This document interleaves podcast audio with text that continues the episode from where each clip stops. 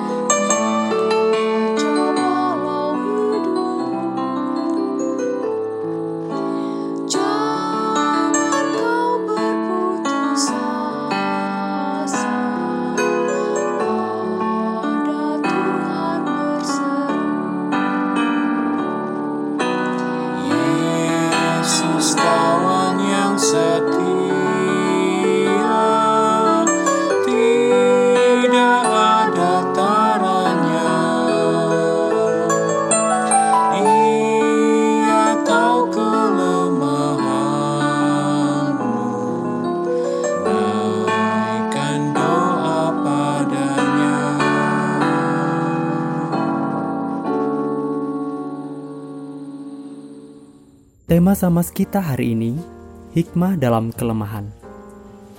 Renungan kita kali ini terambil dari surat Ibrani pasal yang keempat, ayat yang ke-14, sampai pasal yang kelima, ayat 10. Saya akan membacakan dari pasal yang keempat, ayat ke-15, sebagai dasar perenungan kita. Demikian. Sebab imam besar yang kita punya bukanlah imam besar yang tidak dapat turut merasakan kelemahan-kelemahan kita. Sebaliknya, sama dengan kita, ia telah dicobai, hanya tidak berbuat dosa.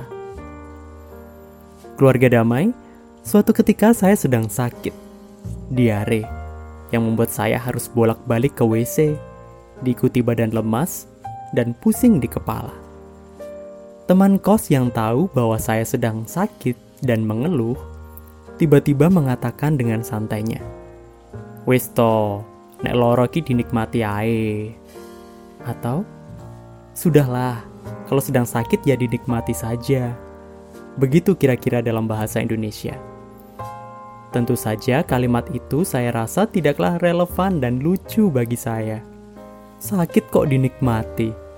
Bagaimana bisa?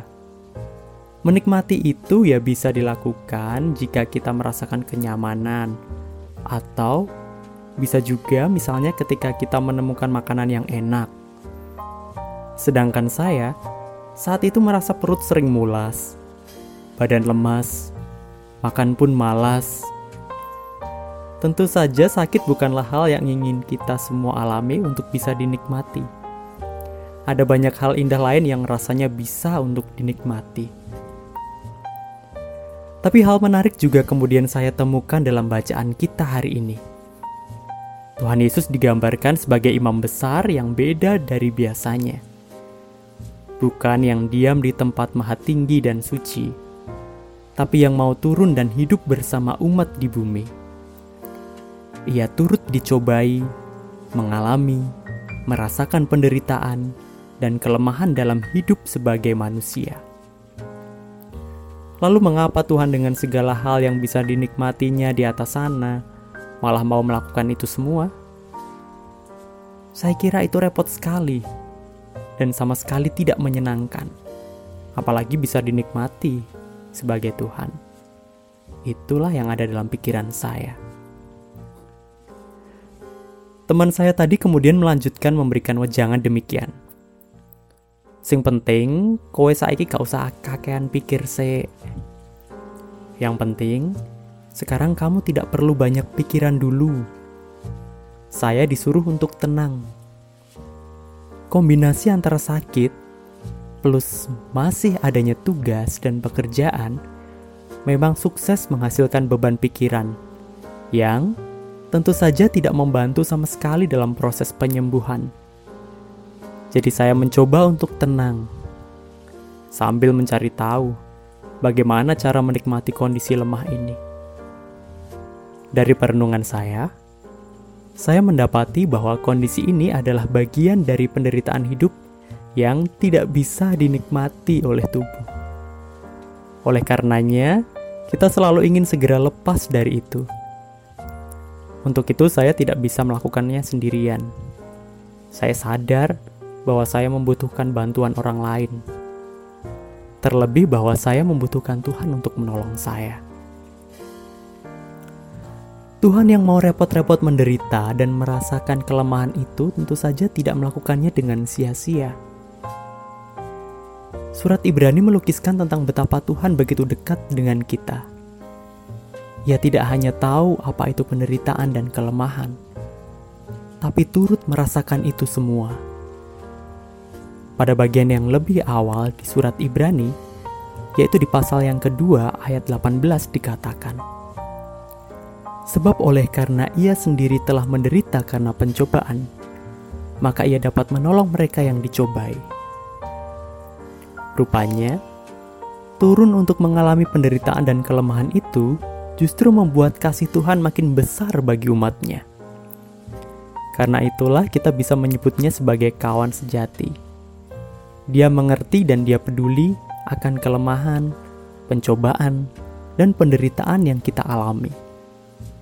Ia tak jauh dari kita dan akan bertindak untuk menolong kita. Orang-orang yang peduli biasanya karena pernah mengalami. Teman saya itu memberikan obat sambil menceritakan tentang sakit mah yang dialaminya berulang kali. Tidak harus juga untuk kita mengalami apa yang terjadi pada orang lain, baru bisa peduli. Penderitaan yang saya alami, walau mungkin tampak tak seberapa, mestinya membuat saya juga bisa menjadi lebih dekat dengan mereka yang juga mengalaminya. Tentu saja tidak harus sama persis kejadiannya.